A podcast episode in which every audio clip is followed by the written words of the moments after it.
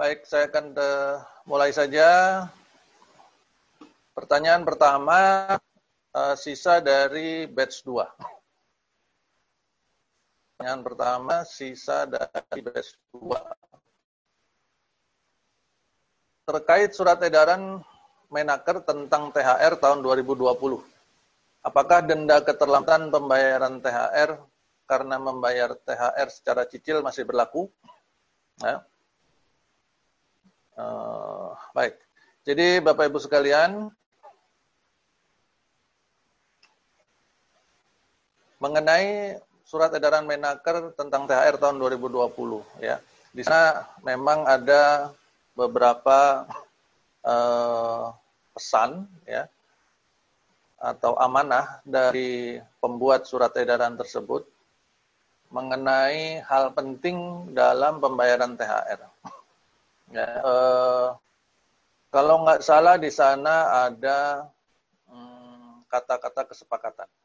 Dalam surat edaran di tahun 2020 ini dari Menteri Tenaga Kerja di sana ada eh, ada hal penting yang perlu kita pahami yaitu kesepakatan. Jadi mengenai kesepakatan ini, Bapak Ibu semua, penting bagi kita untuk memahami uh, mengenai hukum dari kesepakatan. Kesepakatan yang disebutkan di dalam surat edaran Menaker tersebut, ya, itu bukannya tidak memiliki dasar hukum. Dasar hukumnya ada. Ada di mana? ada di dalam pasal 55 di Undang-Undang 13 2003. Bapak Ibu yang sekarang sedang membuka eh, apa namanya? membuka undang-undang, silahkan melihat ke pasal 55.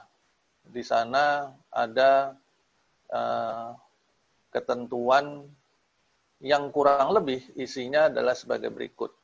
Perjanjian kerja tidak dapat dirubah dan atau dibatalkan tanpa persetujuan kedua pihak. Nah, jadi itu adalah dasar yang dipakai untuk mencapai kesepakatan. Apabila kesepakatannya sudah dicapai, maka kesepakatan itu dituangkan secara tertulis dan itulah yang akan menjadi dasar hukum untuk pelaksanaan isi kesepakatan tersebut. Mengenai pembayaran THR secara cicil atau denda keterlambatannya, maka kembali kepada kesepakatan apa yang dicapai di antara kedua pihak. Jadi kalau kalau misalkan si pihak perusahaan, baik selamat pagi Ibu Clara Chandra Widya.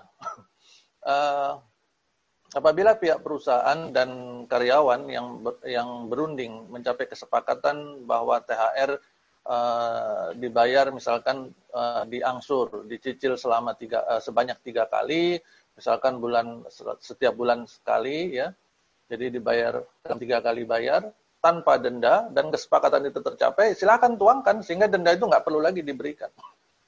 Atau harus denda, atau mungkin karena dicicil akhirnya nilainya menjadi lebih besar, atau mungkin ada kesepakatan lainnya. Oke, okay, THR-nya uh, boleh THR setengah aja, tapi tolong kami bantu yang ini, misalkan bantu hal ini. Bantu.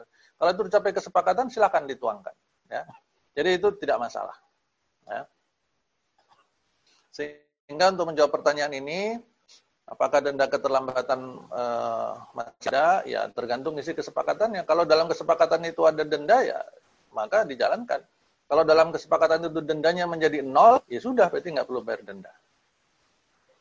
Baik, pertanyaan berikutnya. Apa new normal dalam IR di masa setelah pandemi, setelah selesai pandemi nanti? New normal. Baik, Bapak Ibu, sekarang memang lagi istilah new normal ini lagi in banget ya. Lagi in banget. Uh, dan ya, selamat pagi juga uh, Bapak Agus Satori dari Fakultas Hukum Universitas Pakuan Bogor. Terima kasih sudah bergabung. Selamat datang juga Ibu Lina dari PT Ega Mekinka Group Jakarta. Demikian juga yang lainnya. Uh, new normal dalam IR, memang ini menjadi isu yang yang bukan isu ya, ini kata istilah yang sekarang lagi sangat populer, new normal dalam berbagai bidangnya Di dalam bidang hubungan industrial, eh, yang bisa kita lakukan sekarang adalah memprediksi. Memprediksi dahulu mengenai kira-kira apa yang akan eh, terjadi dalam bidang hubungan industrial setelah selesai pandemi ini. Yang pertama dalam bayangan saya, terus terang saya memang belum e, berpikir secara mendalam, ini masih general saja ya, jadi bisa saja bertambah nanti atau berkurang. Kita lihat, e, tentu Bapak Ibu juga bisa memberikan masukan. Tapi secara sederhana, secara general yang saya bayangkan adalah setelah selesai pandemi ini, atau bahkan mungkin mendekati akhir, setelah PSBB kalau di Indonesia kita mengenalnya dengan istilah PSBB ya, kemudian mulai dilonggar, dilonggarkan, maka yang saya khawatirkan adalah eh, akan banyak muncul permasalahan hubungan industrial. Akan banyak muncul perselisihan hubungan industrial yang eh, selama sejak awal Maret itu ditahan atau uh, karyawan uh, tidak bisa bergerak. Sehingga munculnya nanti pada saat setelah um, pandemi ini selesai atau mendekati selesai. Saya melihat dengan uh, fakta PSBB yang sekarang di beberapa daerah, sebagian daerah mulai dilonggarkan, uh, ini bisa menjadi signal awal Eh, setelah ini pengaduan-pengaduan kepada uh, mediator di kantor disnaker setempat akan semakin banyak. Ya. Uh, apa yang diadukan? Berbagai macam permasalahan yang muncul selama masa pandemi. Apa saja masalah yang muncul selama pandemi? Banyak sekali. Tetapi yang paling banyak prediksi saya adalah masalah pengupahan, upah yang dipotong, kemudian cuti yang dipotong, kemudian eh, apa dirumahkan, kemudian PHK eh, yang dilakukan sepihak, eh, pemotongan-pemotongan segala hak tadi itu dilakukan sepihak tanpa kesepakatan atau bahkan ada kesepakatan tetapi dilanggar, itu semua akan muncul dan prediksi saya akan lebih banyak eh, masalah pengupahannya. Itu tentang perselisihannya. Kalau di dalam dunia hubungan industrialnya, uh, tentu eh, fakta-fakta perselisihan yang banyak ini membuat ini yang yang saya lihat ya uh, membuat kebutuhan akan pemahaman hubungan industrial atau pemahaman hukum ketenaga kerjaan baik dalam teori maupun praktek itu akan menjadi sangat dibutuhkan oleh perusahaan. Nah, dalam konteks rekrutmen atau pencarian ketenaga kerjaan, rekrutmen, uh, maka karyawan-karyawan atau pekerja di bidang HRD yang memiliki pemahaman baik, pemahaman cukup tinggi mengenai hukum ketenaga kerjaan, penerapan dan tantangannya, itu akan memiliki potensi yang jauh lebih besar untuk diterima dibanding uh, yang kurang memiliki pemahaman terhadap masalah hubungan industrial. ya. Karena uh, pengelolaan manusia ini termasuk penegakan hukumnya di perusahaan itu tidak bisa hanya bergantung kepada eh, teman-teman uh, di departemen HR, bukan? Pasti akan dibutuhkan uh, kerjasama yang tinggi dari teman-teman leader di seluruh departemen. Sehingga uh, leader-leader uh, di departemen pada berbagai tingkatannya yang memiliki pemahaman tentang uh, hubungan industrial minimal mengenai penegakan hukum itu akan menjadi lebih uh, apa namanya lebih disukai oleh perusahaan. Nah ini salah satu opportunity ya, salah satu opportunity. Itu kurang lebih sih seperti itu ya. Nanti kita bisa saling menambahkan karena saya memang belum terlalu dalam me, me, menghayati atau membayangkan apa yang akan terjadi kemudian hari setelah pandemi urusannya dengan IR. Tapi yang saya lihat adalah opportunity tadi. Baik, pertanyaan berikutnya. Kalau di perusahaan outsource ada di perusahaan kami, pegawainya ada yang sudah lebih dari tiga tahun, ada yang lima tahun lebih, apakah beresiko terhadap perusahaan kami? Dan apa yang harus kami lakukan? Apakah meminta perusahaan outsource tersebut mengganti pegawainya atau ada solusi lain? Pegawai tersebut sudah di break 30 hari untuk di hire kembali setelahnya. Baik, asumsi saya yang bertanya ini uh, berada di perusahaan prinsipal ya di perusahaan prinsipal uh, dan ini mempertanyakan tentang permasalahan karyawan yang ada di perusahaan outsource yang ada di perusahaan yang sekarang sedang menjalankan tugas di perusahaan dia. Ya. Uh, secara hukum, Bapak Ibu, um, perusahaan prinsipal itu tidak uh, bertanggung jawab mengenai permasalahan ketenaga kerjaan yang ada di dalam perusahaan outsource-nya. Sepanjang uh, tidak sepanjang seluruh ketentuan mengenai outsourcing atau penyerahan sebagian pekerjaan kepada perusahaan lain tersebut itu memenuhi perundangan yang berlaku. Ya. Contoh misalkan si perusahaan outsource-nya ternyata tidak memiliki izin operasional misalkan atau perjanjian outsource-nya belum ditandatangani misalkan. Nah, tapi sudah belum tanda tangan perjanjian outsourcing tapi sudah mulai bekerja. Nah, ini menjadi masalah dan dampak atau resiko hukumnya menjadi sangat tinggi. Eh, dampak ke mana? Bisa kepada si perusahaan outsourcing, bisa juga kepada perusahaan prinsipal. Ya. Itu itu mengenai uh, perusahaan outsourcing ya sehingga Eh, Bapak Ibu yang bertanya, yang saat ini berada di perusahaan prinsipal, yang perlu dilakukan adalah memastikan bahwa syarat-syarat yang ditentukan di dalam ketentuan perundangan mengenai penyerahan sebagian pekerjaan kepada perusahaan lain, baik itu sifatnya pemborongan pekerjaan maupun penyedia jasa tenaga kerja, itu semua terpenuhi.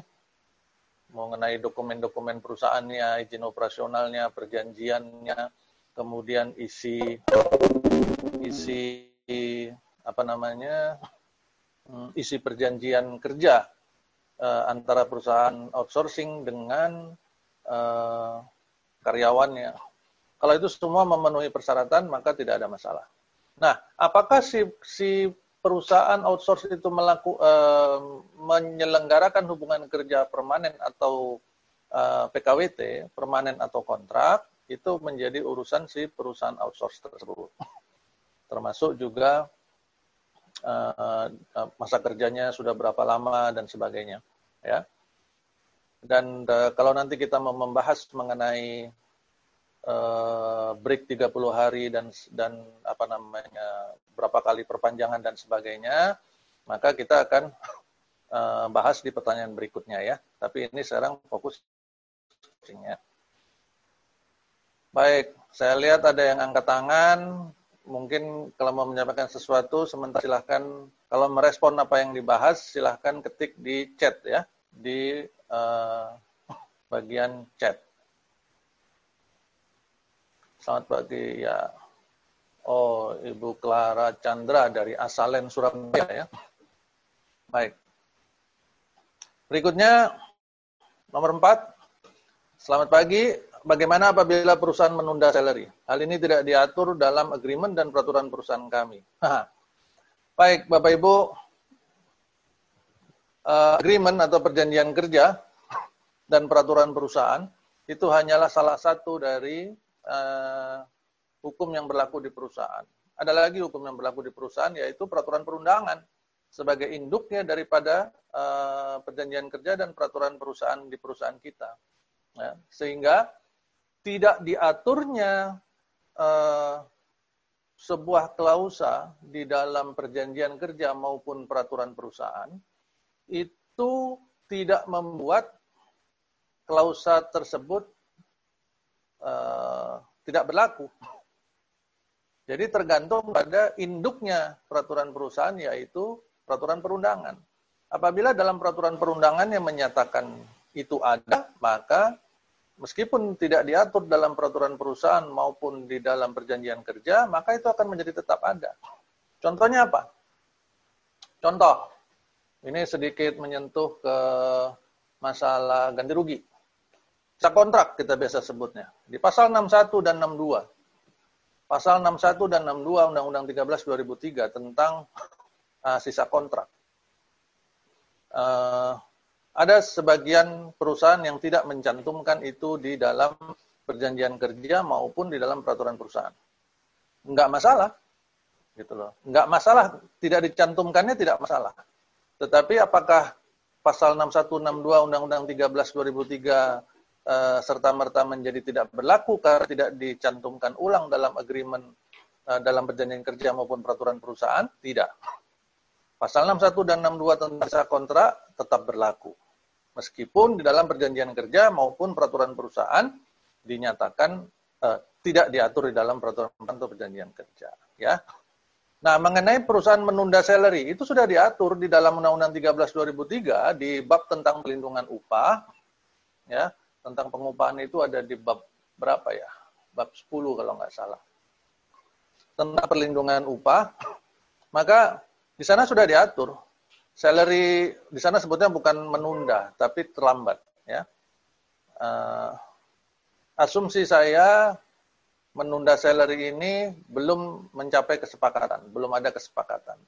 Sehingga masuknya dalam kategori keterlambatan. Diatur di dalam uh, bab perlindungan upah bab pengupahan dalam Undang-Undang 13 2003 dan PP 78 tahun 2015 tentang pengupahan juga. Di sana ada diatur, ada dendanya, kalau lewat dari empat hari, denda per harinya berapa, kemudian kalau sudah lewat per bulan, denda per bulannya berapa, maksimal 50 persen, dan sebagainya. Terus ada ketentuan mengenai bunga dan denda, itu semua ada diatur, Bapak Ibu semua. Jadi kita harus berhati-hati. Itu apabila belum terjadi kesepakatan ya. Jadi main telat aja, nggak bayar aja, gitu kan. Nggak ada pemberitahuan, nggak ada kesepakatan. Nah, bagaimana apabila terjadi kesepakatan? Maka seperti yang tadi kita bahas di pertanyaan pertama, kalau terjadi kesepakatan ya tinggal ikuti apa kesepakatannya, nggak ada masalah di sana. Ya, tidak ada masalah. Yang yang menjadi penting adalah apabila terjadi kesepakatan, maka sesegera mungkin dituangkan dalam uh, bentuk tertulis yang dikenal dalam uh, Undang 2 2004 tentang PPHI sebagai uh, perjanjian bersama atau kesepakatan bersama. ya. Baik, berikutnya nomor 5. Assalamualaikum Pak Deni. Waalaikumsalam. Mau nanya, apakah PKWT atau PKWTT walaupun tanpa membubuhkan materai? Dari Pak Widi di PT SKM. Baik. Pak Widi, Bapak Ibu sekalian, uh, syarat sahnya perjanjian itu ada di dalam secara umum ada di dalam Kitab Undang-Undang Hukum Perdata di pasal 1320. 1320 ya. Pasal 1320 KUH Perdata atau uh, kita yang dari Fakultas Hukum mengenal sebagai BW ya. Itu mengatur tentang syarat sahnya perjanjian. Kalimatnya cukup panjang dan menggunakan ejaan lama, tetapi secara sederhana kami dulu di Fakultas Hukum eh, mempelajarinya lebih mudah dengan menyederhanakannya. Sehingga syarat sah perjanjian itu ada empat, ya. Yang pertama adalah uh, ada para pihak. Ya. Yang kedua uh, adanya kecakapan hukum. Ya. Yang pertama adanya para pihak, jadi tidak boleh hanya satu pihak. Karena di situ ada kata-kata para pihak, berarti lebih dari satu. Boleh dua, tiga, dan seterusnya. Ya. Kalau satu, apa namanya? Bukan perjanjian, pernyataan namanya. Ya. Kemudian adanya kecakapan hukum. Syarat kecakapan hukumnya sudah ada, usia, terus apa namanya, sehat, uh, mentalnya enggak nggak terganggu, kemudian dalam dalam masalah ketenaga kerjaan diatur Eh, kecakapan hukum untuk bekerja itu umur 18, ya itulah kecakapan hukum. Kemudian tadi apa? Ada yang para pihak kecakapan hukum, Kemudian yang ketiga ada uh, adanya objek. Ya. Jadi dalam perjanjian harus ada objeknya. Uh, kemudian yang keempat, yang penting, sebab yang halal. Kami me, waktu belajar dulu di Fakultas Hukum menyederhanakan kalimatnya menjadi empat, yang di mana poin keempat disebut sebagai sebab yang halal. Sebab yang halal di sana diartikan sebagai tidak melanggar segala peraturan perundangan yang berlaku di Indonesia. Ya, tidak melanggar segala peraturan perundangan yang berlaku di Indonesia. Itu yang disebut sebagai sebab yang halal. Maka syarat sah perjanjian cuma empat itu. Nggak ada ternyata syarat sah perjanjian yang kelima harus menggunakan materai. Itu nggak ada Bapak Ibu. Nggak ada. Ya. Nggak ada. Nah, sehingga munculkan pertanyaan berikutnya. Terus kalau itu men bukan menjadi syarat sah perjanjian, terus buat apa pakai materai? Ya. Itu pertanyaan berikutnya. Sehingga apabila perjanjian kerja baik PKWT maupun PKWTT tidak menggunakan materai, maka perjanjian itu tetap sah. Tetap sah sepanjang memenuhi empat syarat sah perjanjian yang ada dalam perundangan tersebut. Ya. Nah, untuk menjawab pertanyaan berikutnya tentang jadi apa gunanya pakai meterai kalau tidak tidak menjadi alat pengesah perjanjian, maka perlu disampaikan bahwa meterai di sini bukanlah alat pengesah perjanjian Bapak Ibu. Materai di sini adalah alat bukti membayar pajak. Ya. Materai adalah alat bukti membayar pajak. Alat bukti pembayaran pajak. Nah, sehingga ini yang yang perlu kita pahami, materai itu bukan alat pengesah perjanjian. Oke? Okay? Selanjutnya, nomor 6. Bisakah saya mendapatkan list pertanyaan dan jawabannya, Pak? Oh, uh, pertanyaan sudah di uh, yang dibacakan di sini, kemudian itu ada yang dimunculkan di YouTube. Nah, itu ya Bapak Ibu bisa uh, melihat di sana. Biasanya saya munculkan semua di YouTube, ya. YouTube-nya channel YouTube DHM Partners. Berikutnya nomor 7 Bagaimana dasar hukum yang menjadi acuan perusahaan dalam menjalankan program manajemen training? Apakah hubungan yang bisa dikaitkan dalam bentuk keperdataan ataukah ada hubungan ketenaga kerjaan? Baik. Bapak Ibu semua, dasar hukum uh, manajemen training dulu ya. Manajemen training ini adalah istilah bahasa asing. Kalau di Indonesia, manajemen training itu tidak ada dikenal dalam peraturan perundangan istilah manajemen training itu. Nggak ada. Ya, di, di dalam hukum ketenaga kerjaan di Indonesia, yang dikenal adalah istilah pemagangan. Ya, pemagangan. Pemagangan ada di dalam hukum ketenaga kerjaan di Indonesia. Khususnya di dalam bab 5 tentang pelatihan kerja ya, tentang pelatihan kerja. Jadi istilah manajemen trainee pertama tidak dikenal dalam hukum ketenaga kerjaan. Nah, tinggal eh, perusahaan yang menggunakan istilah manajemen trainee di dalam perjanjiannya itu ingin mengarahkan hubungan hukum yang terjadi antara perusahaan dengan si trainee itu mau diarahkan ke mana?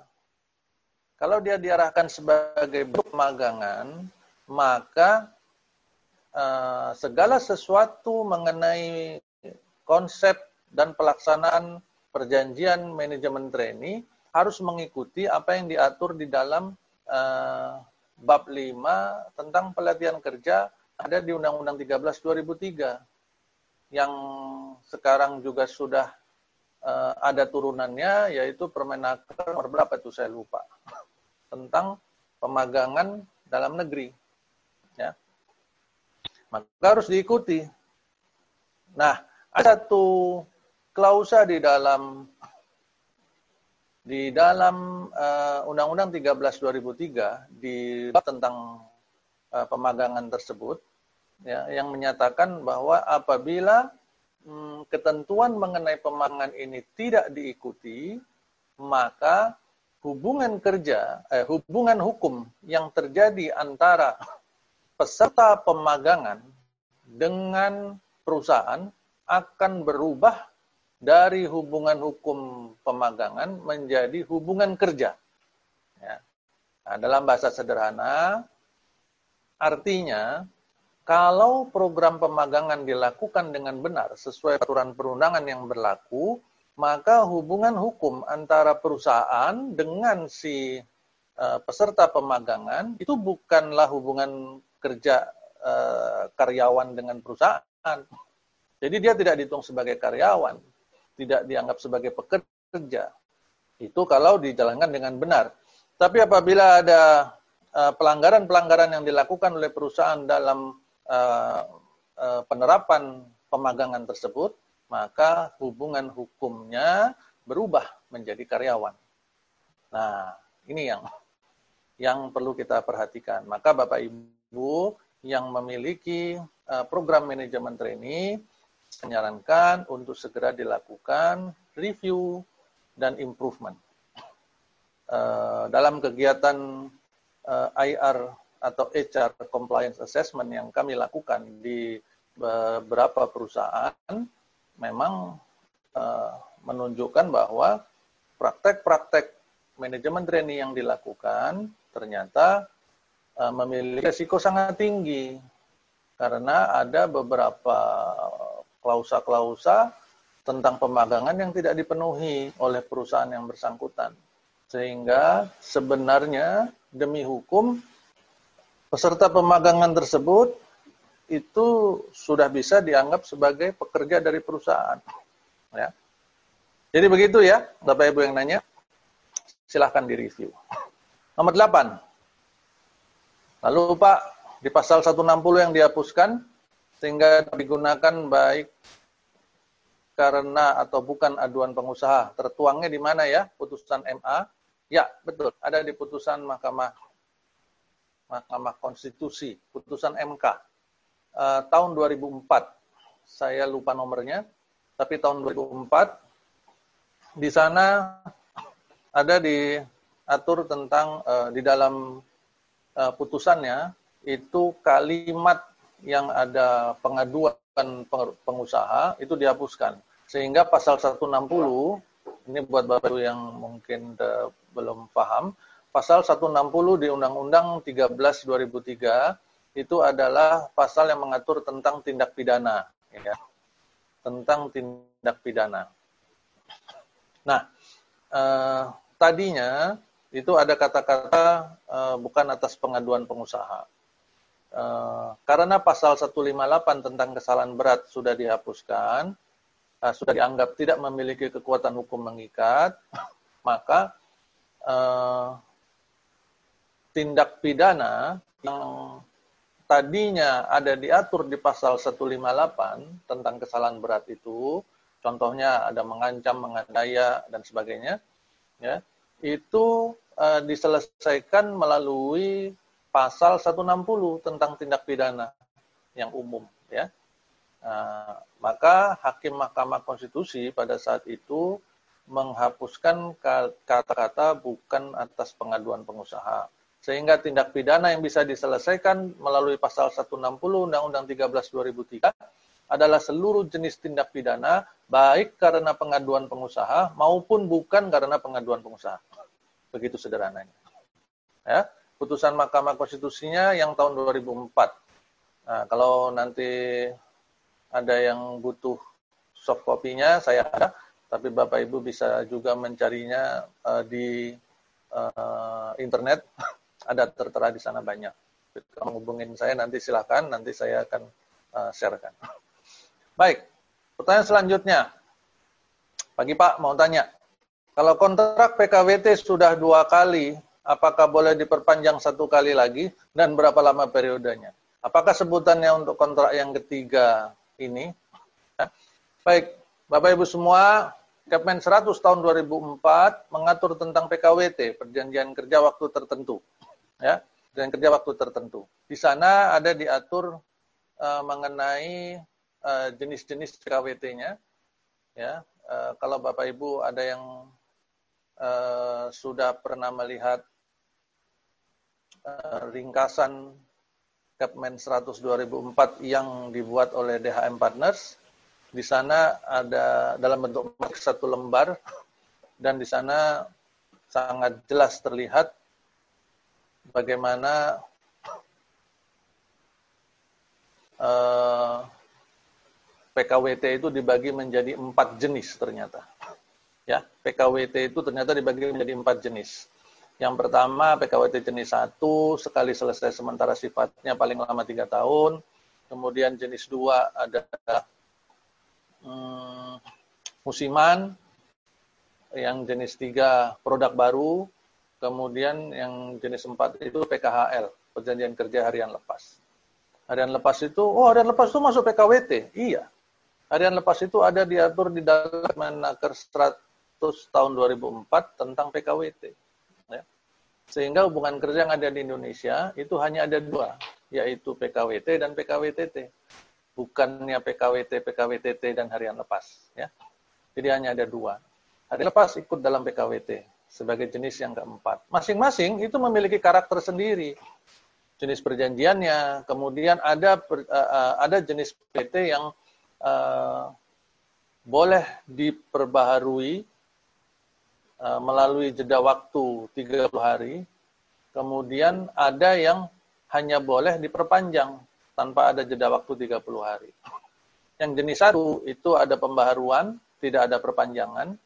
Ya, uh, kontrak yang pertama tiga tahun paling lama, yang kedua paling lama, yang pembaruan paling lama dua tahun, melalui jeda waktu 30 hari. Itu yang jenis satu. Yang jenis dua dan jenis tiga sama. Uh, tidak ada pembaruan, adanya perpanjangan. Kontrak pertama itu dua tahun. Kontrak yang perpanjangannya satu tahun. Ya. Dan tidak ada jeda waktu 30 hari. Nah, dari matriks tersebut, dari Kepmen 100 2004 tersebut, uh, ternyata Eh, kontraknya di dalam PKWT itu hanya ada dua kali. Dua kali. Yaitu kontrak pertama dan kontrak perpanjangan atau kontrak pertama dan kontrak uh, pembaruan. Itu saja. Nggak ada lagi kontrak yang ketiga. Sehingga untuk menjawab pertanyaan ini, kontraknya diperpanjang satu kali lagi nggak boleh. Berapa lama periodenya nggak ada sebutannya untuk kontrak ketiga nggak ada. Ya, itu terlarang demi hukum. Demikian. Semoga dapat dipahami. Berikutnya, apakah diperbolehkan perusahaan membayar uang pesangon dengan cara dicicil selama satu sampai dengan dua tahun karena kondisi keuangan yang sedang susah. Baik, Bapak Ibu semua. Di dalam bab 12 Undang-Undang 13 2003 tentang pemutusan hubungan kerja. Di sana mengatur berbagai macam jenis PHK lengkap dengan kompensasi yang harus dibayarkan. Kemudian tabelnya juga ada di dalam pasal 156 ya di ayat berapa itu 2, 3 dan 4 ya. Dan di seluruh bab 12 uh, di seluruh bab 12 Undang-Undang 13 maupun di bab lainnya dalam Undang-Undang 13 tersebut itu sama sekali tidak ada disebutkan mengenai kata-kata mencicil atau mengangsur. Ya. Jadi sebenarnya dalam hukum ketenaga kerjaan, cicilan uang pesangon itu nggak ada, angsuran uang itu nggak ada. Jadi sebenarnya nggak ada mengangsur uang pesangon atau mengangsur uh, mencicil uang pesangon. Nah, Kenapa di lapangan ada terjadi hal-hal seperti itu?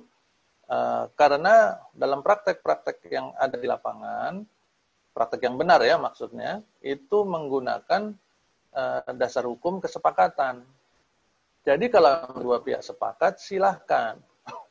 Cuman saya sangat menyarankan agar berhati-hati di dalam kesepakatan mengenai mencicil atau mengangsur uang pesangon Eh, kompensasi PHK ini. Karena kan hubungan kerjanya sudah berakhir. Misalkan nih, hubungan kerja berakhir di, ini bulan apa nih? Uh, Juni. Di bulan Juni 2020, Juni 2020 hubungan kerja berakhir. Terus beban pesangon yang harus dibayarkan oleh perusahaan misalkan 100 juta. Perusahaan mampu bayar cash 100 juta, maka perusahaan berjanji uh, secara tertulis bahwa uh, pada saat uh, bulan Juni dia akan membayar 20 juta. Kemudian bulan Juli 20 juta, terus setiap bulan 20 juta sampai lunas 100 juta. Berarti 5 bulan kan? Berarti dari Juni, Juli, Agustus, September, Oktober. Di akhir Oktober baru lunas. Nah, sedangkan hubungan kerjanya kan berakhir di uh, akhir Juni 2020. Uh, kemudian di dalam di dalam Undang-Undang 13 juga bahwa uh, hubungan kerja segala hak dan kewajiban berakhir sejak berakhirnya hubungan kerja. Nah, ini harus berhati-hati. Sehingga Bapak Ibu yang baik dalam posisi sebagai karyawan maupun dalam posisi sebagai perusahaan, saya sangat menyarankan untuk berhati-hati pada saat membuat perjanjian untuk mengangsur atau mencicil uh, uang pesangon atau kompensasi PHK, utamanya karena pasti akan melewati masa berakhirnya hmm, masa berakhirnya hubungan kerja, ya. Ini nanti juga berdampak kepada uh, cara pendaftaran uh, kesepakatannya di uh, panitera pengadilan hubungan industrial setempat. Karena biasanya yang saya tahu dalam praktek panitera uh, Bapak Du Panitera di PHI biasanya meminta uh, bukti bayarnya, bukti pemenuhan uh, prestasi dalam perjanjian bersama tersebut, dalam kesepakatan tersebut. Lah, sedangkan kalau mencicil kan masih belum. ya. Itu Bapak Ibu. Jadi harus berhati-hati di sana. Kalau ternyata perusahaan di bulan Juli terus nggak bayar, bagaimana cara nagihnya? Ya. Nagihnya mau ke mana? Mau ke Disnaker? Mau ke PHI? Atau mau ke pengadilan negeri? Atau mau ke pidana? Nah ini yang harus harus diklirkan di awal. Maka berhati-hatilah di dalam membuat kesepakatannya. Demikian. Itu pertanyaan nomor 10 ya. Nomor 11, terkait work from home.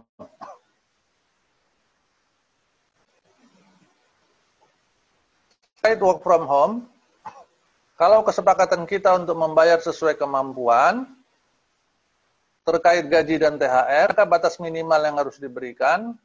Nah, batas minimal ini memang kalau batas minimal yang umum adalah uh, upah minimum ya, itu yang bersifat umum. Namun dalam kondisi seperti ini, kalau kesepakatan itu terjadi, uh, saya tidak melihat, tidak menemukan ada batas minimalnya. Uh, tentu berdasarkan kesepakatan kedua pihak. Kesepakatannya apa? Misalkan, misalkan nih, si karyawan bersepakat dengan perusahaannya perusahaan bilang aduh aku nggak punya duit nih untuk bayar bulan ini ya udah deh pak kalau gitu bulan ini uh, bisanya bayar berapa cuman bisa bayar lima ratus ribu misalkan.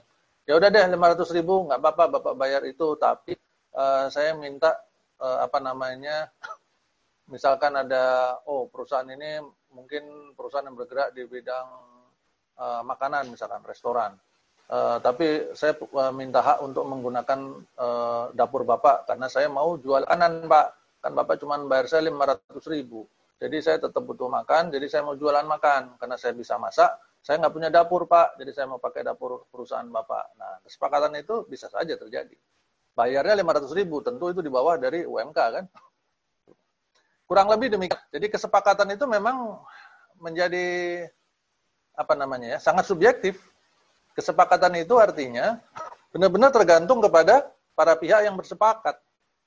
Ya. Mau kesepakatan apa silahkan.